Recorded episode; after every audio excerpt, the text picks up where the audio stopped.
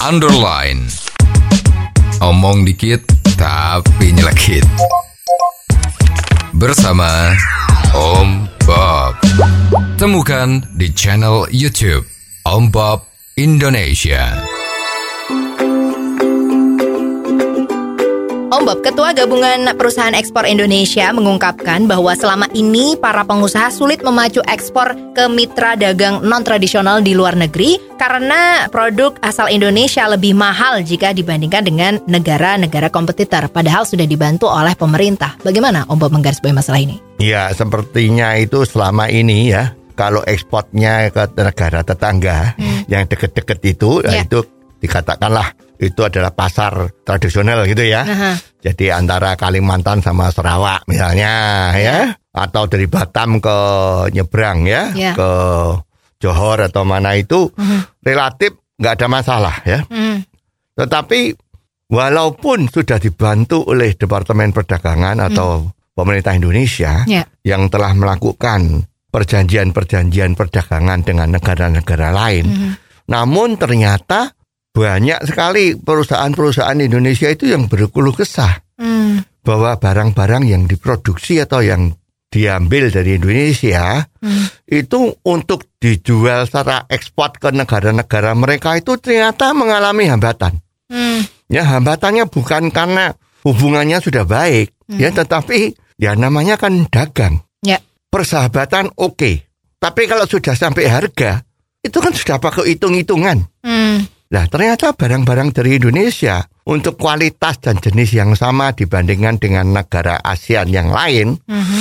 misalnya Vietnam, Kamboja, Thailand, apalagi Tiongkok, itu harganya menjadi lebih mahal. Hmm. Nah ini kan menjadi susah. Ya. Nah kalau kita melihat dari hulur sampai hilirnya ya, itu memang kita harusnya sadar kembali kok bahwa produktivitas di Indonesia ini memang kalah dibandingkan dengan negara-negara pesaing. Hmm. Karena apa? Ya kalau nanti dikatakan nih mencari kambing hitam, ya apa boleh buat. Memang ini sepertinya kenyataan ya. Ya. Misalnya ya dikatakan bahwa tenaga-tenaga kerja Indonesia itu maaf ya biasanya itu kalau bisa diperlambat mengapa dipercepat ya. Ya. Jadi kalau misalnya membuat sebuah barang itu seharusnya bisa satu jam selesai, ah ini agak santai sedikit dah, gitu kan? Jadi satu seberapa jam. Ya. Terus kita bayangin aja itu, ada banyak cerita-cerita kan. Kalau orang masuk kerja itu apa yang dilakukan? Mhm. Begitu masuk di kantor, itu attitude-nya udah sepertinya bukan pekerja, tapi attitude-nya adalah pemilik ya. Hmm. Jadi begitu datang yang dilakukan adalah ah ngopi dulu. Karena di rumah belum sarapan. Ya. Terus ya isap-isap rokok gitu kan. Terus setelah itu oh ya habis makan paling enak isap rokok sambil maaf ke belakang. ya. Nah, ini ya setelah itu selesai masih ketemu sama teman-temannya kongko-kongko dulu ya. Baru kurang lebih satu jam setelah itu baru mulai kerja. Hmm. Nah, ini ini menjadi menjadi problem yang besar ya. Setelah itu jam-jam menjelang jam 12 itu ya ini jam-jam yang lain lagi ya acaranya ya. Keluar dari kantor lagi, ada acara lagi yang lain ya. Ya enggak usah disebutin dah acara apa itu ya. Nah, ini menjadi budaya kerja yang kurang baik. Hmm. Ya, sekarang kalau misalnya kerjaan itu diganti sistemnya dengan borongan Ya. harus sekian banyak selesai dalam sekian menit. Nah, mental orang-orang kita mengatakan kerja kok dikesusu kesusu ya. Kenapa diburu-buru Ya. ya?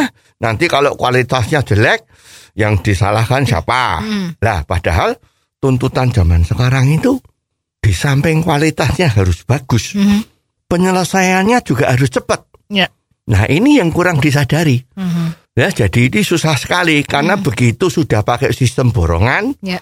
pada saat terjadi yang namanya quality control itu banyak sekali yang disortir. Hmm. Ya karena pegawai kita, tenaga-tenaga kita itu banyak yang seenaknya. Ya. Pokoknya jadi. Ya. Setelah itu pokoknya minta dihitung karena udah jadi harus dibayar. Hmm. Nah, ini menjadi problem bagi pengusaha. Ya. Nah, ini memang harus betul-betul diperhatikan Mhm. bahwa tenaga-tenaga kerja kita di samping mentalnya itu agak kurang baik ya, tetapi juga keterampilannya kurang. Hmm. Ya, bayangin sekarang kalau lulusan STM itu belum tentu dia bisa berbuat sesuatu kok. Ya. Harus sebelum kerja itu di training dulu. Oh, ternyata waktu dia belajar di sekolah teknik menengah itu ternyata apa yang didapat itu tidak sesuai dengan apa yang diharapkan oleh dunia perusahaan. Ya. Di samping itu juga banyak aturan-aturan birokrasi yang itu menjadi susah juga bisa. Ya. Terus UMR yang tiap tahun rame dinaikkan terus itu itu juga menjadi problem. Ya. Ya, kita memang harus mawas diri.